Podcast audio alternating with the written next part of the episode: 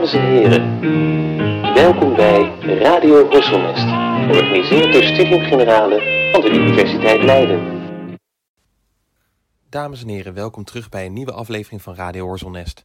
Ik ben Norbert Peters van Studium Generale en vandaag hebben we te gast Luc Amkreutz, conservator prehistorie in het Rijksmuseum van Oudheden. Luc schrijft bij ons aan om te praten over Doggerland. Zodra de coronamaatregelen het toelaten, opent het museum de tentoonstelling Doggerland, verdwenen wereld in de Noordzee. Dit wordt de eerste tentoonstelling ter wereld die zich louter richt op Doggerland en de bijzondere archeologie van dit verzonken landschap. Ter gelegenheid van de tentoonstelling verschijnt ook een boek met de gelijknamige titel, dat onder redactie van Luc en Sascha van der Vaart Verschoof is verschenen, bij de uitgeverij Sidestone. Ik heb het al even mogen inzien en het is prachtig geworden.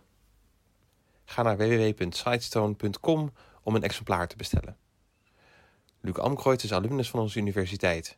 Hij studeerde hier archeologie en promoveerde in 2013 op het proefschrift getiteld Persistent Traditions, a long-term perspective on communities in the process of Neolithization in the Lower Rhine area. Daarnaast heeft hij tal van wetenschappelijke publicaties op zijn naam staan en werkte hij mee aan verschillende vakpublicaties, zoals het boek Vergeten bandkeramiek, een odyssee naar de oudste neolithische bewoning in Nederland. Sinds 2008 is hij conservator prehistorie in het Rijksmuseum van Oudheden en is hij verantwoordelijk geweest voor tal van tentoonstellingen en het prehistorische gedeelte van de permanente tentoonstelling Archeologie van Nederland. Luc, wat fijn dat je bij ons wil aanschuiven. Welkom. Dankjewel. Laat ik beginnen met de ondertitel en de tentoonstelling verklapt het al een beetje, Verdwenen land in de Noordzee. Dat zegt al iets over de locatie van Doggerland, maar wat wordt er precies bedoeld als we spreken van Doggerland?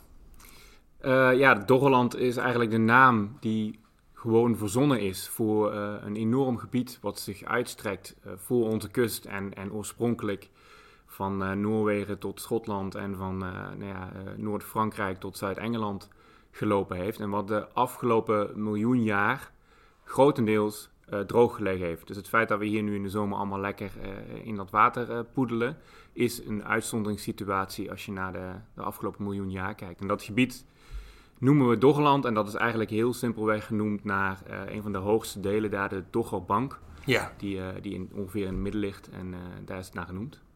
En dat is het hoogste deel van, van, van Doggerland eigenlijk. Dus dat kan je, komt dat ook nog wel eens boven water, zeg maar, als, als, als bij, bij Apple? Of is dat, is dat echt ook permanent onder water? Nee, het is, het is permanent onder water. Ik heb me wel laten vertellen dat je bij die hoge delen, als de zee rustig is, dat je ook de bodem kan zien. Dus de Noordzee is niet zo heel erg diep, tenminste niet tussen Nederland en Engeland. Ja.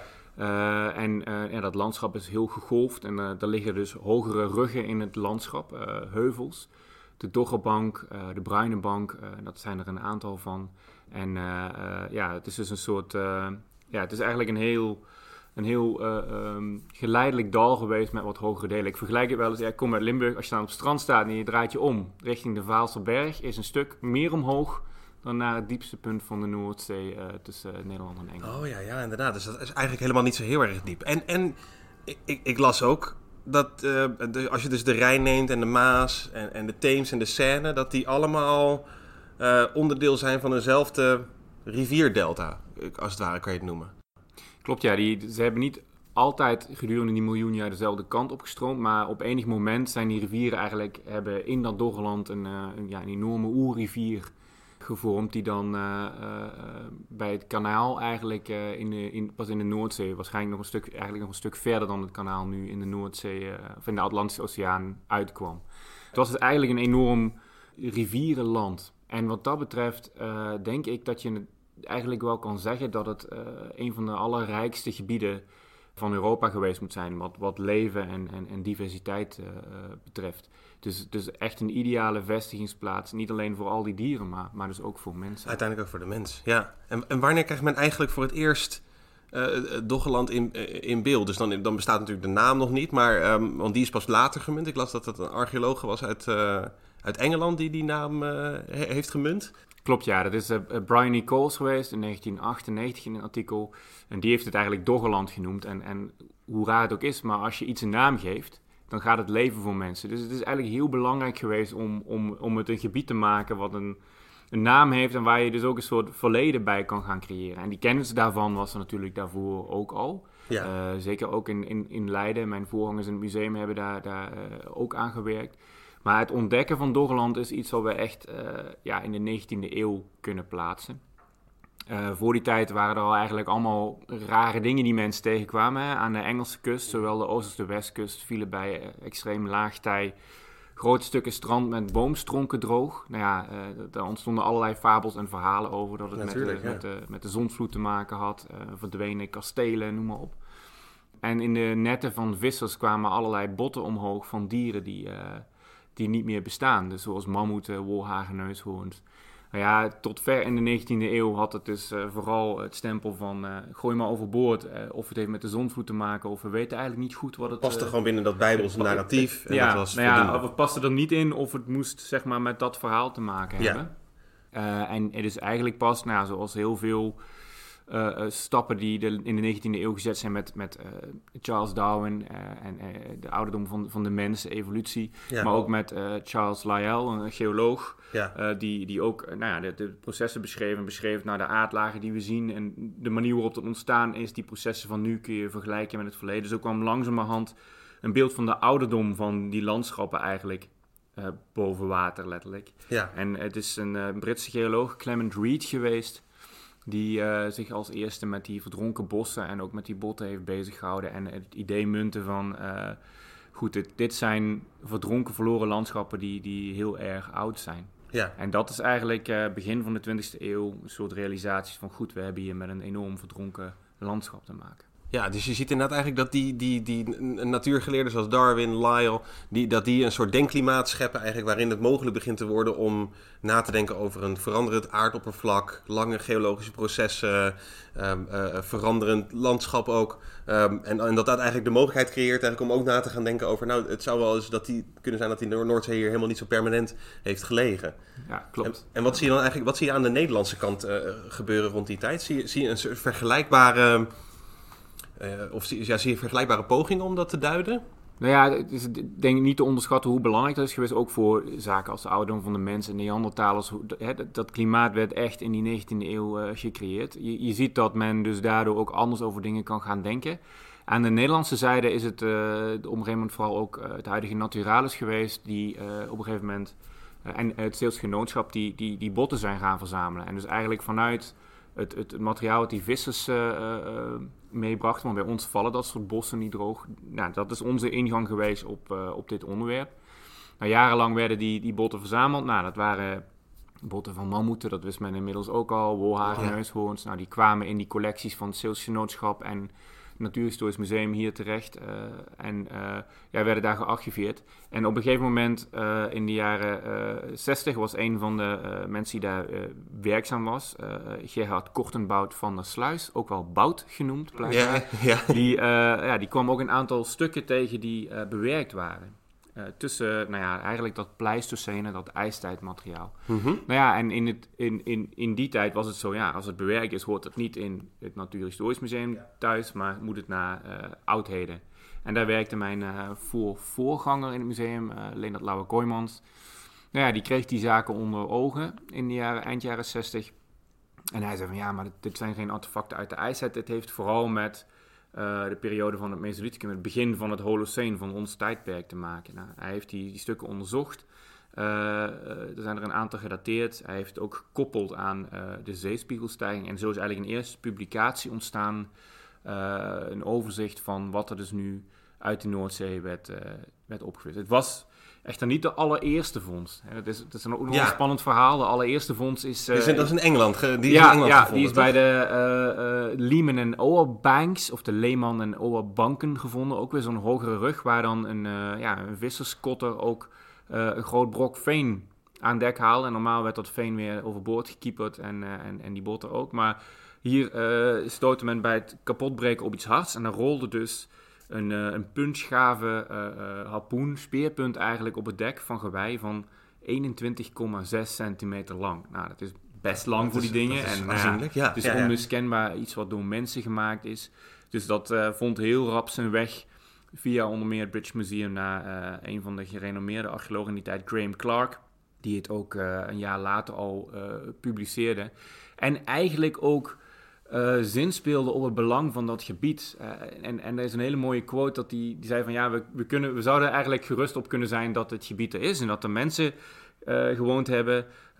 if, if, if it not only were an area where they would have flourished. Dus hij, hij spreekt een soort ook, er zit een soort pijn in wat hij zegt. In ja, dit, dit gebied moet echt geweldig geweest zijn om te yeah. wonen. En we, we, komen er eigenlijk niet goed aan. En het is een soort nou, ongrijpbaarheid die die in die tijd al uh, overheerst over, in, in het denken over, uh, over Doggerland. waarbij wel gezegd moet worden dat het heel lang, misschien juist ook vanwege dat probleem, um, gezien werd als, ja oké, okay, dat land is er geweest, we komen er niet echt aan, we vinden er af en toe spullen ja, van, ja. soms op de stranden, in vissersnetten.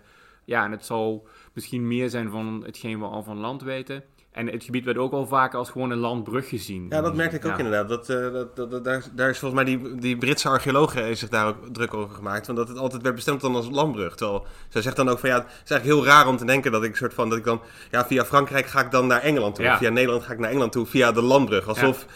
Ja. ja. dat is natuurlijk gedachte al vanuit de gedachte dat, dat die Noordzee er eigenlijk al ligt. En dat er dus inderdaad een soort brug is van het ene naar het andere. Terwijl dat ja, want jij zegt inderdaad ook eigenlijk, dus die, die, die, uh, omgeving moet heel erg rijk zijn geweest. Ja, exact. Je, je gaat er eigenlijk vanuit van de, van de datasets die je hebt. Hè. Je hebt continentale dataset archeologie, je hebt in, in, in, in Groot-Brittannië wat. Ja. ja, je zoekt naar vergelijkingen, overeenkomsten. En, en ja, dat, dat kan natuurlijk door dat droge stuk wat er tussenin uh, in ligt, uh, kan men zich verplaatst hebben. Maar je moet eigenlijk omdenken. Je moet eigenlijk denken van die Noordzee, dat is gewoon het heartland geweest. Dat is het, dat is het gebied geweest wat het allerrijkst was. We moeten eigenlijk ja, dat is het spannende van dit moment. Om gaan denken dat, uh, uh, ja, dat dat misschien een hele belangrijke kern van die groepen in de ijstijden, maar ook de laatste 10.000 jaar juist in dat Noordzeegebied ja. gelegen heeft, omdat het een van de rijkste omgevingen is geweest. We moeten eindelijk dat gebied ook de, de credits geven die, die, die toekomt. Het is een van de allerbelangrijkste Europese vestigingsgebieden geweest uh, in de afgelopen miljoen jaar. Ja, en, hoe, en als je dan, want je vindt natuurlijk, de, meeste vondsten zijn eigenlijk ex situ. Je vindt dat niet netjes binnen een strategie van een opgraving. Hoe kan je dan toch inderdaad bijvoorbeeld op basis van een harpoenpunt zeggen van, oh, dit is, hoe kan je dat dateren eigenlijk, als je dat, als je dat zo buiten de context vindt? Ja, dat is eigenlijk uh, een van de belangrijkste vragen, denk ik. En, en, misschien ook wel het punt waar we nu aanbeland zijn en waarom dit ook een deels een tentoonstelling is die, die op tijd komt. Uh, is dat we er nu veel meer mee kunnen. Inderdaad, die dingen worden gevonden in vissersnetten. Die weten bij benadering waar het ongeveer vandaan gekomen is. Niet super precies. Ja. Uh, ze worden gevonden op de stranden. En daarvan weten we waar het zand opgezogen is. Meestal zo'n 10 kilometer uit de kust. Dus we hebben wel, wel locaties waar we van weten van daar komen die spullen vandaan. En tegenwoordig kun je uh, op zee ook veel beter onderzoek doen naar die landschappen. Dat kan door die zuigputten geologisch van tevoren te onderzoeken met boringen. Dat is ook gebeurd, waardoor we eigenlijk een beter beeld hebben van het landschap waar die stukken nu vandaan komen. Ja. Dat betekent nog steeds niet dat we ze, zoals een opgraving op het land, echt precies op die plek terug kunnen leggen. Of precies op die hoogte waar ze daar gezeten hebben. Nee, precies. Maar je, bij benadering kun je een landschap creëren waar ze uitkomen. Plus, je kunt dat landschap ook in kaart gaan brengen. En dat is wat nu met name vanuit Engeland, uh, het Lost Frontiers project, uh, in samenwerking met, de, met de Belgen en ook een beetje Nederland in de vorm van TNO gebeurt om met onderzoeksschepen de Noordzee op te gaan. Ja. En heel gericht stukken landschap in kaart te brengen. En dat kan dus middels die boringen, maar vooral ook middels boorgegevens van de industrie, van, die naar olie en gas zoeken. Dat, ja, dat levert heel veel informatie op, want die zijn niet zo geïnteresseerd in die bovenste laag. Maar voor archeologen zit er hele belangrijke informatie in. En het kan door middel van uh, technieken die je aan zo'n boot kan hangen, zoals uh, uh, sonar en, en, en allerlei seismische technieken. Dus je, je straalt eigenlijk een soort geluidsgolven de bodem in en die weer kaatsen op verschillende lagen. En, en die weerkaatsing kun je uitlezen, waardoor je dus verschil kan maken tussen lagen en de bodem. En op een gegeven moment dus ook... Uh, oh, dus bijvoorbeeld zand of klei, dat levert Zand of klei, maar je ziet dus op een gegeven moment ook de, de, de rivier lopen en de meertjes en de, en de, ja, de hogere oh ja, ja. stukken. En misschien stukken uh, kustlijn. En, en in die zin kun je dus bij benadering zo'n landschap in kaart gaan brengen. En vanuit dat punt kun je dus verder op zoek gaan naar waar dan uh, bewoning heeft plaatsgevonden. En dat is wat we eigenlijk, we, in ieder geval uh, collega's in Engeland en de Belgen aan het doen zijn. Door bijvoorbeeld bij de Bruine Bank, waar heel veel materiaal opgevist is, mm -hmm. gericht op locaties uh, aanvullend onderzoek te doen. Dus zo'n gebied nauwkeuriger te karteren door middel van boring, maar ook gewoon met een soort grijpertjes sediment omhoog te halen, eh, dat uitzoeken. En op een gegeven moment kun je dus, als je daar ook eh, archeologische vondsten in vindt, eh, ja, dan heb je dus een vindplaats ontdekt. En dan moet je je afvragen, hoe, hoe ga je daar dan verder mee om? Hoe ga je daar opgraven? Ja, Ja, want dat is nog vrij lastig inderdaad. Dus ja, duikend is dat lastig in de Noordzee. Ik wil niet zeggen dat het onmogelijk is, maar ja, het zijn geen ideale condities meestal. Nee, precies. Maar wat je zou kunnen doen is wat bijvoorbeeld in de Yangtze-haven heeft plaatsgevonden, is door heel gericht vanaf een boot of een ponton eh, zo'n vindplaats op te graven. Dus in vakken sediment omhoog te halen, dat Oh, te ja. zeven en dan krijg je bij benadering eigenlijk een, een, toch een soort opgraving van zo'n plek. Dat is één kant van het verhaal. De andere kant is, als we dit kunnen doen, Mhm. kunnen we vindplaatsen ook beter gaan beschermen. Want is natuurlijk ook een enorme. De Noordzee is een van de allerdrukste zeeën eh, ter wereld. Qua scheepsbewegingen, visserij, kabels, maar ook de ontgronding van grind, van schelpengrit, eh, zand.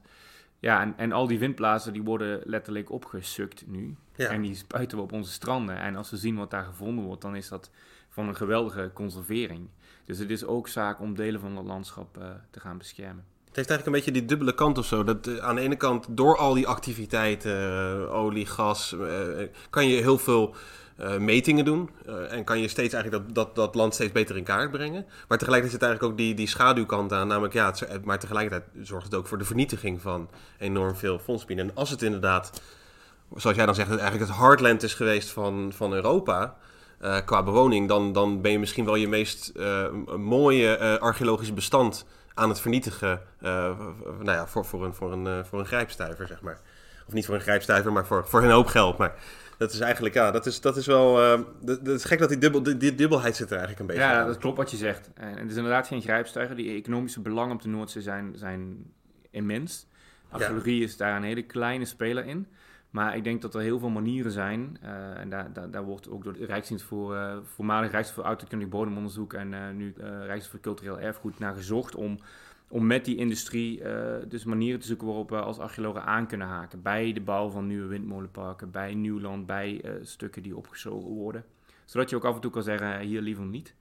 En ja, dat, dat is inderdaad waar. Ook wat je zegt, ja, de, de, de, de kwaliteit van het materiaal is, is eh, ja, ontzagwekkend. En, en dat is natuurlijk het andere stukje. Eh, Niet Mhm. alleen die technieken op zee, maar ook andere onderzoekstechnieken bieden ons nu veel meer mogelijkheden om dan met dat materiaal ook, eh, ook te gaan werken. Ook aan vondsten die niet meer direct uit een opgave komen, maar op het strand gevonden worden. Ja.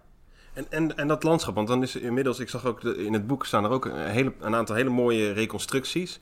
En dan zie je natuurlijk ook dat dat land ligt helemaal niet vast. Dat is eh, niet eh, gewoon één brok land wat dan op een gegeven moment een keer verzinkt. Maar dat is allemaal met allemaal, met allemaal verschillende faseringen. Zou je iets kunnen zeggen over ja, wat, je, wat je daar zo al tegenkomt aan landschap, zeg maar van het koudste moment van de laatste ijstijd eh, en, en dan langzaam richting het, eh, het, het- tot het laatste stukje eigenlijk verzinkt. Zou je, zou je daar iets over kunnen zeggen? Dat- Ja, misschien dan nog heel even één stap daarvoor eh, gaan zitten. Want het is natuurlijk, eh, die tentoonstelling hinkt op twee hele grote verhalen. Het verhaal van de ijstijden en Neandertalers. En het verhaal van de moderne mens in, in de afgelopen, nou, zeg 20.000 jaar. Mhm. En die landschappen in die, in die miljoen jaar waar we het eigenlijk over hebben, die, die, die zijn enorm veranderlijk geweest. En eh, ja, als ik dan heel even snel kan schetsen, dat is natuurlijk lastig zonder beeld. Maar stel je voor, eh, een miljoen jaar geleden heb je, en dan noem ik het wel even een landbrug, een hele brede baan land eigenlijk, tussen aan de zuidkant Calais en Dover.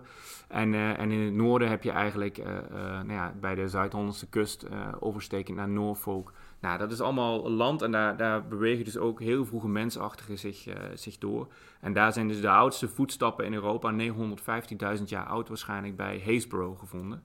Eh, dus die oudste mensachtige hier, waarschijnlijk de Homo antecessor, die verplaatst zich langs de rivieren en langs de kusten door, eh, door het landschap. Ja, geweldig. Ja. Ja, en dan heb je dus warmere en koudere perioden. En dan die, die intensiteit van die ijstijden die neemt toe in het Pleistoceen.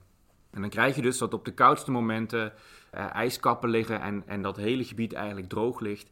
En als het niet te koud is, een enorm rijk rivierenlandschap is waar mammoeten rondlopen en eh, nou ja, wolhagenneushoorns en op een gegeven moment ook Neandertalers. Dat wat- die karakteristieke mammoetsteppen. ja, precies. Ja, ja. Dus noemen. Ja, ik ja. denk echt een, een koude Serengeti die ook zo rijk aan leven geweest moet zijn. En met name die, die enorme rivieren vormden daar een soort ja, migratieroutes door. En ja, dat, dat moet heel erg rijk geweest zijn. Wat ik zelf eigenlijk niet zo goed op mijn netvlies was, is dat tot twee keer toe tijdens een ijstijd het, het zo koud was dat de ijskappen van eh, Scandinavië en Groot-Brittannië elkaar raken. En dat die, al die grote rivieren dus niet meer naar het noorden toe konden afwateren. En dat er dus hier in Nederland enorm ijsmeer is ontstaan met geweldig grote ijsschotsen. Wat Oh, tot twee keer toe, één keer rond eh, 450.000 jaar geleden in het Elstrië en dan nog in de voorlaatste ijstijd, door de krijtwanden bij het kanaal is gebroken. Ja. Eh, en daar een reusachtige waterval moet hebben gecreëerd.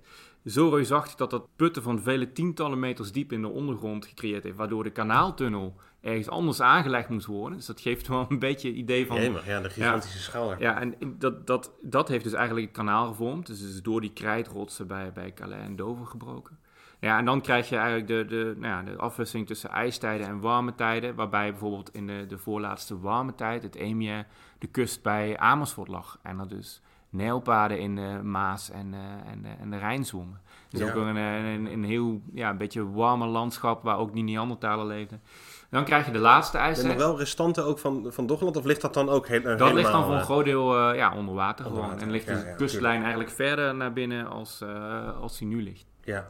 En dan wordt het weer koud in, eh, in de laatste ijstijd. Krijg je weer dat geweldige rivierenlandschap. en eh, ook weer met Neandertalers. Nou, die sterft dan op een gegeven moment uit, rond 40.000 jaar geleden. Rond die tijd komt ook de moderne mens even in deze streken. Hebben we heel weinig aanwijzingen voor, maar ook eh, vindplaatsen van zo'n 35.000 jaar oud in, in Engeland. Dus ze zijn dat gebied, hebben ze doorkruist. Ja. Dan wordt de kou van de laatste ijstijd eigenlijk te, te heftig, rond 20.000 jaar geleden. Eh, en en nou, zijn die mensen hier niet in de buurt geweest. En dan krijg je eigenlijk de periode die, die naar ons huidige tijdperk toegaat. Waarbij we rond zo'n eh, 14.000, 15.000 jaar geleden de eerste moderne mensen weer terugzien. Ja, dat zijn dezelfde die de mooie grotkunst in Frankrijk en, eh, en, en eh, Spanje gemaakt hebben. Lascaux Mascanier. en... eh, ja, Ja. ja. Ja, En dan krijg je eh, nog allerlei grote wendingen in het verhaal. Je krijgt dus dat eh, het, is, het is nog koud en op een gegeven moment wordt het een- even een stuk warmer. Mhm. Het klimaat warmt op, eh, de periode van het allerreut breekt aan, de berkenbossen komen terug, de rendieren trekken naar het noorden. En dat is eigenlijk het moment waarop we schaarse aanwijzingen hebben, waaronder de oudste moderne mens van Nederland. En Ook een doggebank, eh, of een doggeland ja, vondst. voor de kust van, van Zuid-Holland gevonden. En een versierd stuk, wat we dan de oudste kunst kunnen noemen, komt uit die periode. Oh ja, ja, ja. ja. Dan heeft er ook nog een enorme vulkaanuitbarsting plaats, rond 12.900 jaar geleden eh, in de Lage Zee in de Eifel. Die een deel van de Rijn eh, afdampt en eh, een rookkolom tot 40 kilometer hoog. Waardoor mensen misschien juist naar het gebied van Doggerland zijn getrokken. Ja, ja, precies. Dan wordt het nog één keer koud en dan wordt het dus binnen 10 jaar zakt de gemiddelde jaartemperatuur met 15 graden Celsius. Dat is onvoorstelbaar. Ja, dat is echt Ja, onvoorstelbaar. die rendieren komen terug, maar er zijn nog steeds mensen die daarop jagen. Dus het wordt weer één grote rivierenvlakte waar dus gejaagd wordt op die kuddes. En dan breekt ons tijdperk aan, het Holoceen. En dan zie je dat door het afsmelten van die ijskappen die Noordzee langzaam vol gaat stromen. En dus eigenlijk een, een heel divers, dynamisch landschap gaat creëren. Dus het is met kaarten erbij makkelijk Ja, te ja, veel maar ma- het, veel is, makkelijker, het is ja. ontzagwekkend. En ik heb ook zelf, ik bedoel, ik zit toch al een tijdje in het vak, af en toe erbij stilgestaan van wat, wat hebben die mensen allemaal moeten zien aan, en meemaken aan, eh, aan landschappen. Dat is echt Ja. En dus ook een enorme snelheid aan verandering a- af en toe. Dus inderdaad echt binnen luttele jaren, eh, centimeter zee erbij of zoveel kouder. En Precies, ja, En het kan, het kan heel Stel je voor in, in, in die laatste 10.000 jaar, of eigenlijk 20.000 jaar, dat de gemiddelde zeespiegelstijging meter per eeuw was. En juist eigenlijk de afgelopen, nou, de eerste jaren van het Holoceen, de eerste millennia van het Holoceen, bijna 2 meter per eeuw. Dat was de afgelopen eeuw 20 centimeter. Dus, dus dan kun je je voorstellen als dat 2 meter is, wat je aan land ziet veranderen. Ja, mensen die daar woonden, eh, ja, die moesten met de kano naar de plek waar, waar opa of oma nog gewoon heen kon lopen. En waar je vroeger kon jagen op een edelhert, kon je nu beter een fuik plaatsen.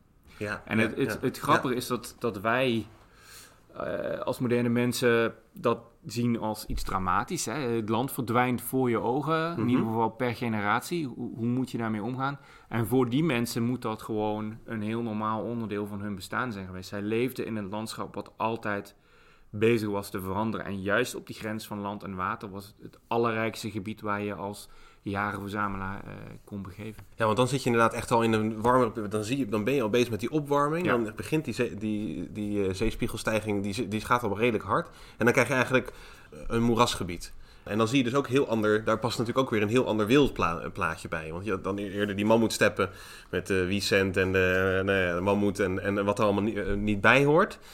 Maar nu krijg je dus inderdaad eigenlijk een heel, een heel ander faunaplaatje ook. Oh, absoluut. Ja, je hebt eigenlijk eh, het Holocene breekt aan, het tijdperk waar we nu nog in zitten, zo'n 11.650 jaar geleden. Nou ja, dan, dan warmt het vrij snel op. Het wordt eerst een soort boreale omgeving, hè? niet de versie van uh, Baudet, maar de echte boreale omgeving ja. met naaldbossen. Ja, ja, ja. Um, en uh, ja, stel je een beetje Zuid-Zweden voor, uh, meertjes. En dan uitgestrekt gebied. Hè. Dus het is ook echt binnenland, met rivieren, ja. met meertjes. Maar je ziet eigenlijk de eerste hogere vegetatie, de naaldbomen, de Precies, berken. ja, berken, ja, naaldbomen, dat komt terug. En dan krijg je als het verder opbouwt, met het, ook in de aanloop naar het, de klimaatperiode van het Atlanticum, dat, dat het loofbos oprukt. En dan krijg je dus, nou, je hebt sowieso en daarvoor ook al bosdieren. Denk aan oeros, aan edelhert, aan eland, wildzwijn. Dus eigenlijk de dieren die wij nu ook nog uit Van ons deel bos, kennen uh, in ieder geval. Ja. Dat is een enorm rijk gebied, maar nog rijker is eigenlijk het gebied in de buurt van de kust. Niet zozeer aan de kust, maar daarachter krijg je dus doordat het grondwater door de kust die er langzaam aankomt in het achterland eigenlijk ook stijgt, krijg je daar uh, een enorm uitgebreid wetland. En we weten bijvoorbeeld van opgravingen hier in de Alblasserwaard, van bijvoorbeeld bij Hardingsveld, dat dat ja, in, in een superrijke omgeving is om, om je te vestigen. Want daar vinden we, daar, daar zijn in het verleden de, de boomstamkano opge, opgegraven, die ook in het RMO te zien Ja, zijn. En ja. het grote visfuik. Precies. Ehm, eh, ja, ja, ja, het heeft allemaal met die omgeving te maken. En het is, een, het is een wetland waar je ook nog stukken bos hebt. Dus die bosdieren heb je, maar je hebt ook otters en bevers. Eh, je hebt allerlei soorten eh, vissen.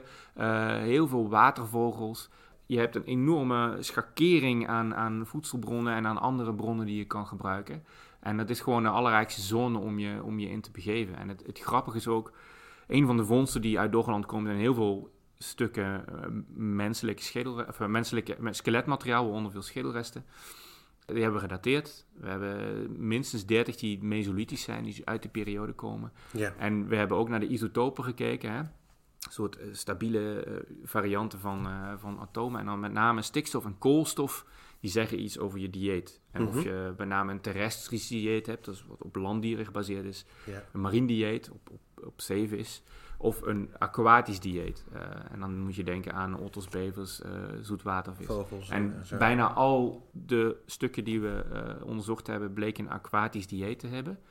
En we hebben het ook nog op een soort regressielijn door de tijd geplot. En je ziet dat als die zee daar aankomt, dat mensen in dat, in dat achterland daarvan eigenlijk omschakelen langzamerhand naar een aquatisch dieet. Dus waar wij zouden denken van, oh dan, of je gaat aan de kust wonen, of je trekt weg Ja. zoeken ze eigenlijk heel erg die moerassen op en, en maken daar het beste van, omdat het gewoon ook de rijkste omgeving is. Dus dat is wel ook wat je aan los vondstmateriaal, wat we dus aan verhalen kunnen duiden uit zo'n... eh, uit zo'n En dan praat je over het Mesolithicum. Even voor de luisteraar, hoe, Ja. welke periode zit je dan ongeveer? Ja, we ja dan, dan schakelen we eigenlijk in de archeologie vaak om van voor heden naar voor Christus. Ik zal het dan ook maar even doen. Dan zit je, de- voor Doggerland zit je dan tussen 9000 en 6000 voor Christus. Dus, dus drie tot vier millennia aan jager-verzamelaars bestaan in een enorm rijk en, en geschakeerd eh, landschap. En eh, ja, dat is dan de periode waar je het, waar je het eigenlijk... En dan, en dan zie je dus ook al bijna verdwijnen. Want als ik het goed begreep, dan zie je dus ongeveer rond 6000 voor Christus de laatste stukken verdwijnen. Of zeg ik dat Ja, en dat is ook nog niet helemaal zonder, eh, zonder events geweest. Wat je dus hebt is over die, die, die periode van dat, boreaal stijgt die zeespiegel best wel 2 meter per eeuw. Nou, dan zie je dus ook al enorme stukken Ja. veranderen. Dan vlakt het geloof ik wat af, maar dan krijg je dus dat, eh, eh, en dat vind ik het gave, dat juist iets aan de andere kant van de wereld eh, hier gaat bepalen nou, hoe het landschap eruit ziet. Ja. Wat je dus krijgt is dat op de grens van Canada en Amerika smelt eigenlijk een ijswand door, waardoor een enorm ijsmeer wat in Noord-Amerika zich gevormd heeft, het, het eh, in één keer door die ijsmuur breekt en in de Hudson bijstroomt en vervolgens ook in de Atlantische Oceaan. En dat leidt hier dus Oh, ja. Tot een sprong in, in zeespiegel van, eh, ik geloof, ja, 4 meter en 200 jaar. Dus dan heb je dus in twee eeuwen het dubbele eh, te verstouwen. Dus dan verdwijnt enorm veel land. Dat is 6450 voor Christus. En dat is wereldwijd in feite, Dat is wereldwijd in feite, maar dat heeft dus hier in Doggerland, waar je nou, ni- niet met zo'n hele hoge stukken die nog boven water Mhm. zijn te maken hebt. Dus een enorme effect eigenlijk. Je- zeker de vlakkere delen verlies je dus enorm veel land. En dan drie eeuwen later komt er dus ook nog een enorme tsunami overheen. En wat dan gebeurt is dat voor de kust van Noorwegen breekt een, uh, een, een, echt een enorm stuk land onder water af. Nou, dat schuift weg en dat creëert een enorme vloedgolf. Ja, Die is ja. 20 meter hoog geweest op de Shetland-eilanden, nog 5 meter hoog voor de kust van Schotland. En hoewel we hem hier heel lastig kunnen documenteren, is dat hier, nou ja, denk een beetje aan de tsunami die, die na de aardbeving in Japan ontstond. Echt een, een muur van 1, 2 meter hoog, Ja, die ja, hier ja. gewoon het land is binnengerold. eh, tot, Toen tot in ver Indonesië. voorbij- Ja, dat ja, toch, precies. Ja. Tot Ja. ver voorbij eh, Leiden en, en het Groene Hart in. En alles eigenlijk eh, eh, weggevaagd heeft. En goed, die tsunami, dat is, een, dat is een moment. Dat is daarna ook weer weg. En je kunt daarna nog in Doggerland leven. Hè. Er zijn ook nog delen die boven water uitsteken. Maar inderdaad, aan het begin van dat, dat, dat zesde millennium, zo 5800 eh, voor Christus... Ja, verdwijnen de laatste delen dan, eh, dan onder water. En dan is het, dan is het gedaan. En hoe, en hoe zie je in die, eh, in die verandering inderdaad, dus eigenlijk in die, eh, van, van boreaal naar wetland, zie je dat ook terug in het archeologisch materiaal wat je vindt? Om nog even een stap terug te doen. Dat, ehm, dus, bijvoorbeeld die harpoen die wordt gevonden op die, op die, visser, op die Engelse vissersboot. Ja, hoe weten we eigenlijk eh, dat, tot welke periode die behoort? En hoort dat inderdaad dan ook bij het landschap wat je daarbij verwacht? Dus bijvoorbeeld inderdaad dat wetland of dat, die boreale zone. Nou, ik denk, ik denk aan de ene kant dat we heel erg aan het begin staan van de vragen die jij nu stelt, om, om dat beter te gaan duiden. Het grappige is bijvoorbeeld die, die, die, die speerpunt, harpoenpunt die jij noemt, die bleek dus niet mesolithisch, maar nog net in de ijstijd te horen. Dus Oh ja, die ja, was ja, ja. 13.000 jaar oud. Eh, maar bijvoorbeeld nu, we hebben bijna 2000 eh, getande spitsen, noemen dat als archeologen, maar denk dat het speerpunten en pijlpunten zijn van been en gewei. Ja, bijvoorbeeld eh, heel veel van die pijlpuntjes dateren eh, later. Die zouden, die zouden, als ik nu zo daarover filosofeer, misschien meer bij het Atlantische landschap kunnen horen. En de speerpunten, de grotere, zouden misschien een wat oudere boreale component kunnen zijn. Maar we moeten nog veel meer dateringsonderzoek doen Ja. om daar iets aan te achterhalen. Iets interessants trouwens, ook onderzoek van de faculteit archeologie na die pijlpunten van uh, Benengewijs, dat er dus eh, bleek dat, eh, niet heel verrassend, ze, de, de, degene van Bot eh, vooral van edelheid gemaakt zijn, maar twee daarvan bleken dus van mens gemaakt. Ja, ja, ja En, dat was eh, inderdaad dat is ook weer nieuws. even precies om aan te tonen wat die nieuwe technieken, eh, hoe die onze blik op, dat, nou, op die jarenverzamelaars kunnen veranderen. Want dat is geen keuze die je maakt omdat je het nodig hebt, want het was een superrijk landschap. Dus het is een hele symbolische keuze om, om een stuk bot misschien van je voorouders te gebruiken om... eh, om Ja, te inderdaad, ja. ja. En is- zijn daar überhaupt andere, zijn daar equivalenten van op het, op het, op het, op het vasteland, zeggen we dan maar even? Eh, van, van, van, van menselijk botmateriaal wat wordt gebruikt om, eh, om, eh, om voorwerpen mee te maken? Ja, er zijn zeker in de etnografie wel voorbeelden van dat, dat eh, het gebruik van juist menselijk materiaal, eh, dat is bijna eigenlijk altijd symbolisch of ritueel, dat dat een, een, een, een dimensie toevoegt aan, eh, nou ja, aan, aan waar je het voor, eh, voor gebruikt. En dat kunnen we natuurlijk heel moeilijk heel precies grijpen, maar het, is- Ja, het ja, past wel in ja. een breder beeld van, eh, ja, eh, het is niet iets wat je gebruikt omdat je materiaal tekort hebt, maar echt iets wat je nou, ja, met, een, met een bepaald idee erachter eh, inzet. En op basis van etnografische bronnen kan je dat ook afleiden van wanneer dat gebeurt bij, bij culturen die ofwel net zijn verdwenen of nog bestaan. Dan is dat eigenlijk ook altijd in een rituele of symbolische Ja, context. klopt. Natuurlijk moet je dat niet één op één willen plakken op het verleden. Daar moeten we voor, voor waken. Ik bedoel, er kunnen honderd of duizend verschillende verklaringen voor zijn, maar het zit wel in die, in die, in die Mhm. sfeer inderdaad. Ja, die zijn ook te zien in de tentoonstelling. En dat is een nieuwe techniek, ZooMS. Een soort, soort eh, mass spectrometry methode waarbij je dus inzoomt op, eh, op eiwit, eh, collageen. Mhm. En dat eigenlijk in stukjes knipt en de opbouw daarvan is dus specifiek voor een diersoort. En, en daardoor dat je dus een edelhert van een wild zwijn kan onderscheiden en, en van een mens dus. Ja, en, eh, ondanks dat het helemaal bewerkt is en zo. Ja, want je kunt aan dat stukje bot dat eigenlijk, omdat het vrij klein is en bewerkt, fysiek niet meer zien of het nou eh, een beer is of een edelhert. Nee. Eh, Nee. Maar met die methode dus, dus wel. En je had het ook al, je zei ook even kort inderdaad, er zijn ook eh, kunstvoorwerpen, of althans or- ornamentele voorwerpen gevonden. Ho- horen die in een, in, die in een vergelijkbaar tijdsvak, of is dat weer iets vroeger of iets later? Ehm, nou ja, dat, dat oudste stuk valt dus echt in die, in die periode dat het even warm was voor die kou, allerlaatste kou van de laatste ijstijd komt. Het heeft dus te maken met moderne mensen, die noemen we de, de vedermessercultuur.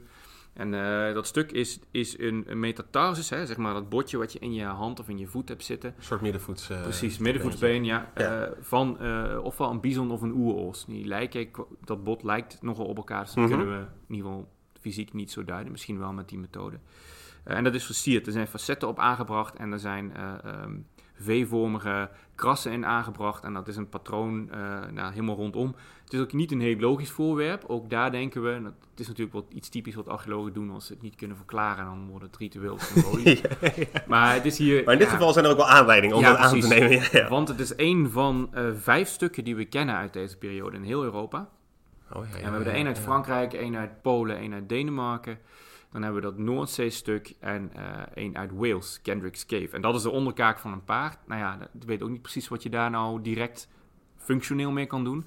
Dus het lijkt wel objecten die versierd zijn uh, en die in, in, een ander soort rol spelen. En uh, nou goed, we hebben in zo'n tentoonstelling pak je daarmee uit. Dus we hebben een hele reconstructieplaat van een shamaan die zoiets vasthoudt. En, en om, om de rijkdom van die wereld weer te geven. Uh, ja. En daar zie je dat stuk op. Ja, het belangrijke aan bijvoorbeeld zo'n stuk is van ja, één van vijf in Europa over een enorme afstand. Dat geeft iets aan hoe verbonden die hele mobiele groepen in die tijd geweest moeten zijn. Ze hadden wel dezelfde soort... Dezelfde vormetaal en dezelfde manier Om, uh, om zich uit te drukken. Dus uh, het is ook heel spannend. Hè? Juist dat is... Dat, duizend jaar daarvoor heb je nog de, die, die enorme, geweldige naturalistische grotschilderingen in, in, Frankrijk. En dan slaat het in één keer om naar iets wat gewoon ja, expressionistisch is. Weet je? Ja, echt abstract. En, maar ja. Het is wel heel spannend dat dat ook de omslag is na een periode waarin het dus even warmer wordt. Die bossen terugkomen. En ik denk dus mensen op een andere manier eh, communiceren, ander soort levensleiden, waar ook een andere materiële expressie en dan misschien ook wel een andere symbolische expressie bij hoort.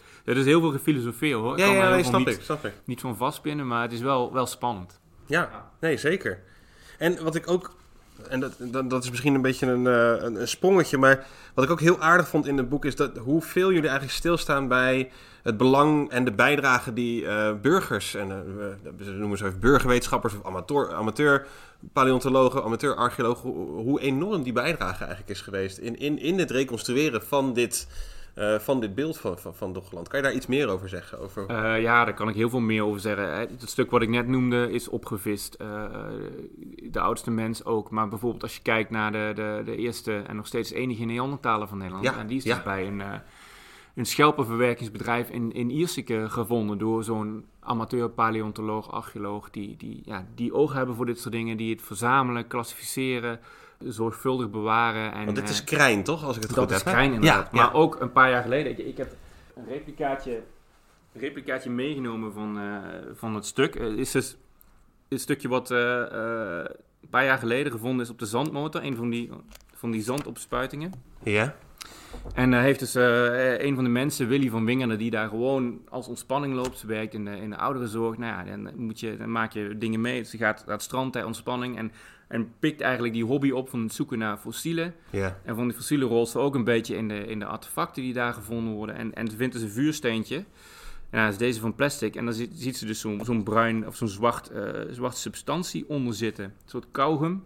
Nou ja, ze neemt dat, uh, komt naar een van onze determinatiedagen en ze laat het aan een uh, collega-archeoloog zien. En die denkt van, hé hey, ja, dit zal wel eens berkenpek kunnen zijn. Maar wij gingen er allemaal nog vanuit, ja, dat zit wel eens op, op werktuigen uit het Mesolithicum, hè, op, op een afslagje ja. of een mesje. Uh, we laten dateren, het is natuurlijk organisch materiaal, dus je kunt het dateren. Ja. We zaten allemaal op die datering tussen de 9 en de 6000 voor Christus te wachten. Komt daar 50.000 voor Christus uit. En dus ja, kun je die moderne mens ja. afstrepen en heb je dus met een Neandertaler vondst te maken. Eén van drie in Europa. Er zijn er iets meer, maar, maar met uh, Berkenpek, waar het van gemaakt is, één van drie. En, en die nieuwe onderzoeksmethode, die ook weer hè, onderzoek van uh, onder meer collega's en, en ook het museum aan de, van de Universiteit Leiden, ja, heeft dus kunnen achterhalen dat die Berkenpek dus gemaakt is met een complexe methode. Door de, door de samenstelling, maar ook door de vervuilingen die erin zitten. Wat vervolgens weer iets zegt over wat die Neandertaler wel niet allemaal kon. Ja, dus inderdaad. Die, lullig stukje vuursteen wat door zo iemand... Met gewoon een zwart, dingetje wat sommige mensen gewoon hebben Ja, het komt uiteindelijk in, ja. in PNAS, hè, in de Proceedings of the National Academy of Sciences. Hè, ja. Een van de nou, meest gerenommeerde journals. Uh, en is nu een stuk waar nou, iedereen in Europa naar verwijst. Het is een van de bekende stukken nu. En dat is dus te danken aan mensen die uh, tijd spenderen op die stranden. En ook aan... Die er oog voor hebben. Die, en... ja, maar ook die daar open voor staan om, om dat te delen met, met de wetenschap. En dat ja. is natuurlijk... Ja. Kijk, wij als museum vervullen daar een soort natuurlijke brugfunctie in. Maar het is super belangrijk om ook vanuit de academie dit soort mensen uh, uh, het podium te geven wat ze, wat ze toekomt. Ja. zij vertrouwen ons. Wij mogen met hun materiaal werken. Wij kunnen, ja, ik zou met alle liefde eh, de helft van mijn week op het strand doorbrengen om dit soort dingen te zoeken. Ja, Maar daar ja. word ik niet voor, voor betaald. Ja, ja, maar dat is dus aan hun en hun bereidwilligheid te danken om eh, ja, dat we dit soort dingen, dit soort ontdekkingen kunnen doen. Dus ze zijn cruciaal. Eh, en daarom dat we ze ook in het boek en in de tentoonstelling een, een prominente plek willen geven. En, en zeker wat op een gegeven moment hun kennis over die fauna en over die artefacten betreft, doen ze op een gegeven moment ook echt niet onder voor ons. Hè. Eh, ze zijn hartstikke fanatiek. Ja, want het heet amateur, maar dit, dit Ja. zijn echt amateurs die met, met een enorme vakkennis. eh, Ja, ja. ja. Ja, ja, En enorme collecties soms ook vaak. eh, Absoluut. Ja. Ja, en, en stel dat je dat zou willen doen. hè, Dus stel, ehm, ik zou ook een, een, een, een stukje Neandertalen vuursteen of wat ook willen vinden. Waar, waar, waar ga je heen ehm, in Nederland? Wat zijn, wat zijn de, de beste de vondstlocaties? Nou ja, dat, kijk, in principe kun je het langs de hele kust van de Waddeneilanden tot in Zeeland vinden. Eh, want eh, onze kust nou, die wordt om de zoveel tijd versterkt. Ik geloof, ik geloof dat het 7 miljoen kuub per jaar is wat er Oh opgezogen ja, ja, wordt. ja, ja. Eh, en daar kan dat allemaal in zitten.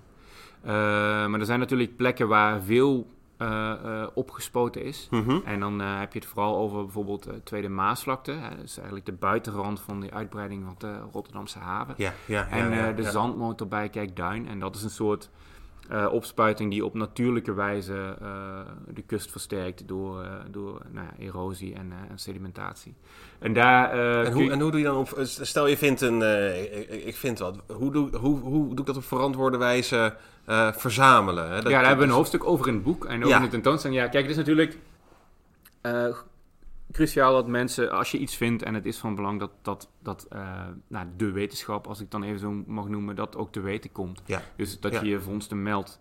En er is zelfs ook een meldplicht voor archeologische vondsten. Er is ook een meldplicht voor menselijk materiaal. Er is dan weer geen meldplicht voor fossiele zoogdiervondsten.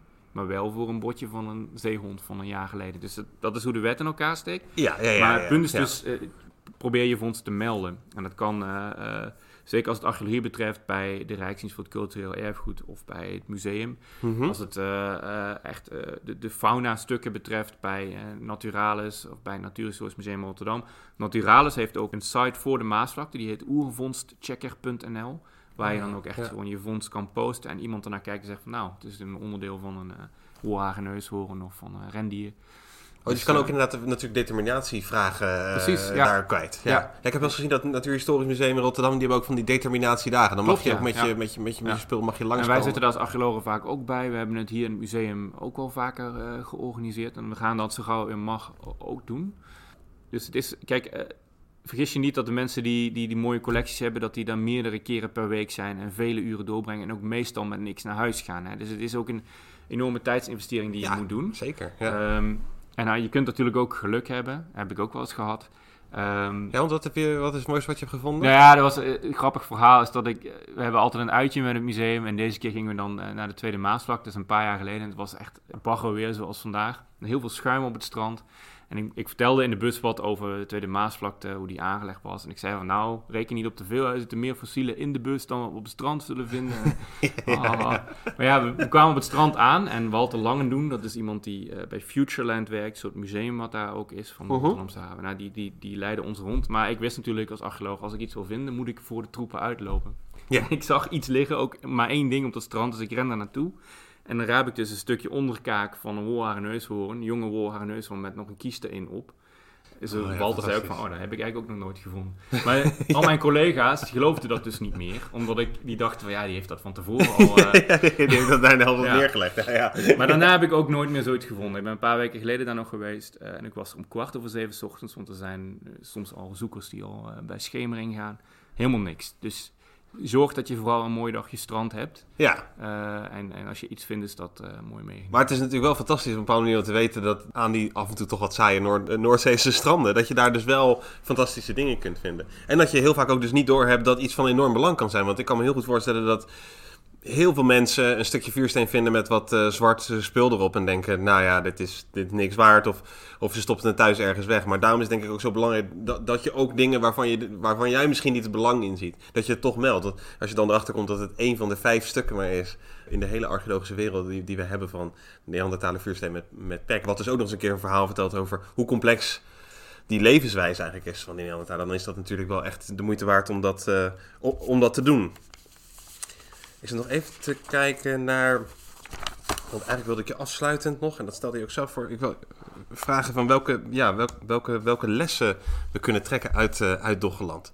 En uit de archeologie uh, die daar plaatsvindt. Ja, dit is natuurlijk... Ik zei, het thema heeft een beetje de wind mee in de zin van dat er nu veel meer kan dan vroeger. We kunnen van dat idee van een landbrug af en we kunnen daar echt een soort kernlandschap van Europa van maken... waar we ook echt nou ja, kunnen gaan onderzoeken we zullen met die bedreigingen uh, op de Noordzee uh, rekening moeten houden, maar daarmee moeten samenwerken om, om zoveel mogelijk informatie te beschermen of, of te documenteren. Ja. Dus wat dat betreft is het op tijd, maar er is natuurlijk nog een andere reden waarom dit, dit denk ik wel een tentoonstelling is die, die, ja, die, die, die momentum mee heeft. En dat is dat we, uh, dat we ook nu ons geconfronteerd zien met enorme klimaat- en landschapsverandering. Ja. En het is te simplistisch om te zeggen dat we nou, een hele duidelijke les uit Doggerland kunnen trekken. Maar wat we wel zien is, hè, en dat is weer de kracht van archeologie, dat wij diep in de tijd kunnen kijken. Dat we, dat we zien hoe Neandertalers en moderne mensen daarmee omgingen. Dat, dat die mens altijd onderdeel van die landschappen geweest is. Die, die moderne mens van het Holoceen, die leefde in een dynamische omgeving. Die ging daarmee om. Die, ja, die omarmde dat. Die zal ook wel gebaald hebben. En zo'n tsunami was absoluut een catastrofe. Maar die stond in een soort natuurlijke balans met een veranderende omgeving. Ja, en dan heb je natuurlijk ook nog de klimaatsveranderingen die gewoon die niet antropogeen zijn, maar die dus eh, die, die, eh, die, die, die, die, gewoon bij, uh, bij de aardse processen horen. Precies, ja. En, en nu, nu zitten we natuurlijk in een periode waarin het overgrote deel van de veranderingen die we meemaken vooral aan ons te wijten zijn. Hè? Aan, aan de mhm. broeikasgassen en, en nou ja, de, de, invloed die dat op het klimaat heeft, de droogte die er op sommige plekken komt, maar ook de zeespiegel die stijgt. En over een jaar of 700, als we Parijs niet halen, uh, dan staat die zeespiegel uh, eh, 9 meter hoger. Tenminste, dat zijn een aantal van de scenario's. Mm we hebben nogal een laagliggend landje, ook hier in Leiden. ik kom zelf uit Limburg, dus dat zit wel goed. Maar ja, de, de, rest van Nederland, ja, die heeft dan toch een probleem. En nu, onze hele infrastructuur en manier waarop we met het landschap omgaan, is, is zo in, in beton gegoten. Hè. Wij hebben eigenlijk alleen maar de reflex van uh, het, vechten daartegen. Dus ik denk dat moeten we aan de ene kant doen. Vooral uh, het vechten, dat we die, die broeikasgassen, dat we die, die hè, dat moeten dat afremmen. Mm -hmm. uh, maar misschien heeft het wel te maken met een bredere kijk op, op wie wij zijn. En onze plek in de wereld. En, en het is misschien heel erg makkelijk of gratuit om dat zo te zeggen. Maar dat is wel wat ik daar uithaal van. En wat ik ook hoop dat we mee kunnen geven aan, aan, aan jongeren van... Hè, we hebben wel invloed op die wereld.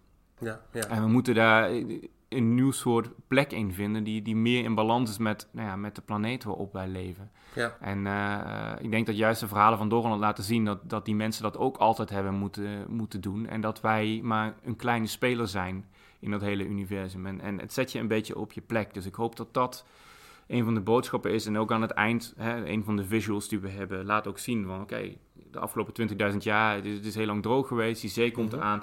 Het stabiliseert, dat is eigenlijk zoals we de situatie kennen, maar die situatie is niet stabiel. Als je als archeoloog of geoloog verder terugkijkt, dan zie je dat we, nou ja, hè, dit, dit is echt miniem dat we, de situatie die wij nu zien als een stabiele wereld, is, is een momentopname. En dat is dus ook pas zo kort geleden. Dat is echt tot, inderdaad tot aan de 19e eeuw. Dacht men ook gewoon, dit is ook gewoon stabiel. Dit is helemaal niet aan verandering onderhevig. Terwijl als je dan bijvoorbeeld inderdaad die, die gereconstrueerde kaarten bekijkt die jullie in het, in het boek hebben gezet. En je ziet hoe hoe verschillend dat is. En, en uh, als, je dat, als je dat naar elkaar ziet, dan zie je ook, de, de, dan, dan herken, je herkent het niet eens terug. Ja, je hebt wel heel netjes dan de kustlijn en de hele huidige kustlijn Van, van Nederland wel, wel aangegeven. Maar dan zie je inderdaad ook hoe ontzettend veranderlijk dat, dat landschap kan zijn. En hoe ontzettend uh, enorm gevolgen dat kan hebben, al die, al die klimaatveranderingen. En uh, daarom wilden we die kaarten ook goed hebben van mensen die, ja, zo'n geologische kaart leggen is, is, één ding, dat komt niet echt over. Maar als je een soort satellietfoto kan maken waar we nu naar gewerkt, en het is een, hè, misschien verandert de kennis nog over hoe het precies tuurlijk, liep. Tuurlijk, Maar het, het, het, brings home, zeg maar, wat, hoe anders die landschappen geweest zijn. Dus dat is die boodschap die we over willen brengen. En daarom hebben we ook echt ook ingestoken op een kinderboek. Ja, uh, ja dat is ook nog goed om even te noemen. Ja. ja. Dus dat is geschreven door Linda Dielemans, die zelf ook archeoloog is. Ja. En met uh, hele mooie illustraties van, uh, van Jenny Villa. En dat, dat, dat vertelt eigenlijk voor kinderen heel knap gedaan. We hebben natuurlijk wel die informatie aangeleverd, maar vertelde op een manier zoals voor kinderen over die miljoen jaar. En ook over die de veranderingen in, in landschap en in klimaat. En afgewisseld met verhalen die mogelijk plaatsgevonden konden hebben. En ja, ik, het heet Onder de Golven en ik, denk dat het echt, uh, echt heel tof is. En uh, ja, ik hoop dat dat gewoon, weet je, zaad, zaadjes plant van uh, het mensen. Ja, laten we hopen van wel, ja. ja. Ja, het is toch inderdaad, ik zag de, ik zag de, de, de, de cover is heel mooi. En zij heeft ook inderdaad in het verleden al een, een aantal boeken geschreven over, over archeologie. Brons, volgens mij, is ook geschreven, Klopt. is van, van haar hand. En eh, dus ik ben ook hier eh, enorm benieuwd naar. En het is natuurlijk ook gewoon mooi om ook die kinderen iets van het enthousiasme mee te geven. Want ik zag ook inderdaad bij de amateur paleontologen en archeologen, zag ik ook wat al, ook vrij jonge mensen eh, eh, rondlopen, die toch blijkbaar hierop zijn gekomen om, om, eh, om vondsten te gaan zoeken. Dus Ja. we hopen ook dat het in die zin ook ja, alleen maar ter inspiratie helpt. Om, ga eens kijken inderdaad op het Noordzeestrand. Of volgende keer als je, als, je, als je je frietje zit te eten, kijk ook een beetje in het zand om je Precies, heen. ja. Misschien zie je nog wat moois. En misschien doe je wel inderdaad gewoon een, een fonds van, van, van wereldformaat. Ik ben heel benieuwd eh, naar de tentoonstelling. Dus vanaf 8 april eh, eh, gaat hopelijk in ieder geval de nieuwe tentoonstelling gaat open. Doggeland, een verdwenen wereld in de Noordzee. En dan komt ook het gelijknamige boek uit. Luc, ik wil jou hartelijk danken voor dit gesprek. En de luisteraars thuis ook hartelijk dank. Tot de volgende keer. Graag gedaan. Dit was weer een aflevering van Radio Horselnest. Dank u voor het luisteren.